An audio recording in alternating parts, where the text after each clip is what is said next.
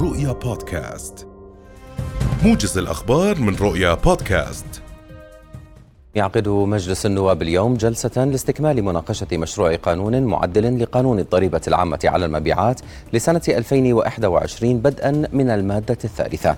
وقال المجلس عبر جدول أعماله أن جلسته التشريعية ستكمل مناقشة جدول أعمال الجلسة الثالثة اعتبارا من قرار لجنة الاقتصاد والاستثمار والمتضمن مشروع قانون معدل لقانون الضريبة العامة على المبيعات لسنة 2021 كما ستناقش لجنة التعليم والشباب تعيين خريجي العلوم السياسية لتدريس مادة التربية الوطنية في المدارس.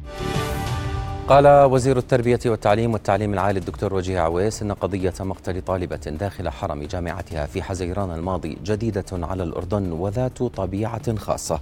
وأضاف عويس خلال المنتدى الإعلامي لمركز حرية وحماية الصحفيين أضاف أن الوزارة قامت بتنظيم جلستين لحل هذه القضية وأنه تم الطلب من كافة الجامعات عدم دخول أي طالب إلا بهويته.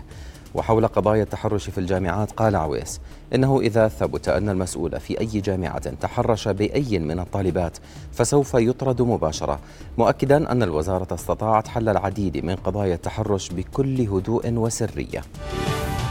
قال رئيس ديوان الخدمة المدنية سامح الناصر إن الديوان بدأ يوم أمس ولأول مرة باستقبال طلبات التوظيف المقدمة على وظائف الفئة الثالثة إلكترونيا. وأضاف الناصر أن استقبال الطلبات يكون من خلال نظام إلكتروني معد لاستقبال طلبات التوظيف على وظائف الفئة الثالثة.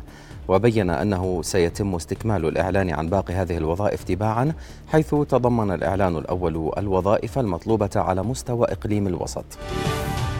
حذرت وزارة الخارجية الأمريكية المسافرين الأمريكيين إلى خارج البلاد من مخاطر متزايدة بالتعرض لأعمال عنف بعد قتل القوات الأمريكية لزعيم تنظيم القاعدة أيمن الظواهري.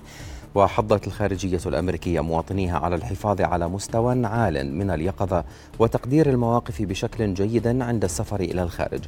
وقالت الخارجية أن المعلومات الحالية تشير إلى مواصلة المنظمات الإرهابية التخطيط لهجمات إرهابية ضد المصالح الأمريكية في مناطق متعددة في العالم. أعلنت رئيسة مجلس النواب الأمريكي نانسي بيلوسي أن وفدها جاء إلى تايوان بدافع السلام للمنطقة وذلك بعد أن أطلقت زيارتها العنان لغضب بكين وأثارت عاصفة دبلوماسية. يأتي ذلك ضمن جولة آسيوية تقوم بها بيلوسي حيث وصلت ليلة أمس إلى تايوان التي تتمتع بحكم ذاتي وتعتبرها بكين مقاطعة صينية انفصالية.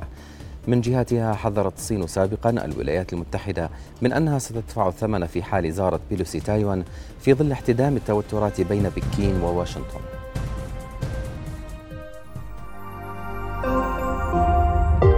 رؤيا بودكاست.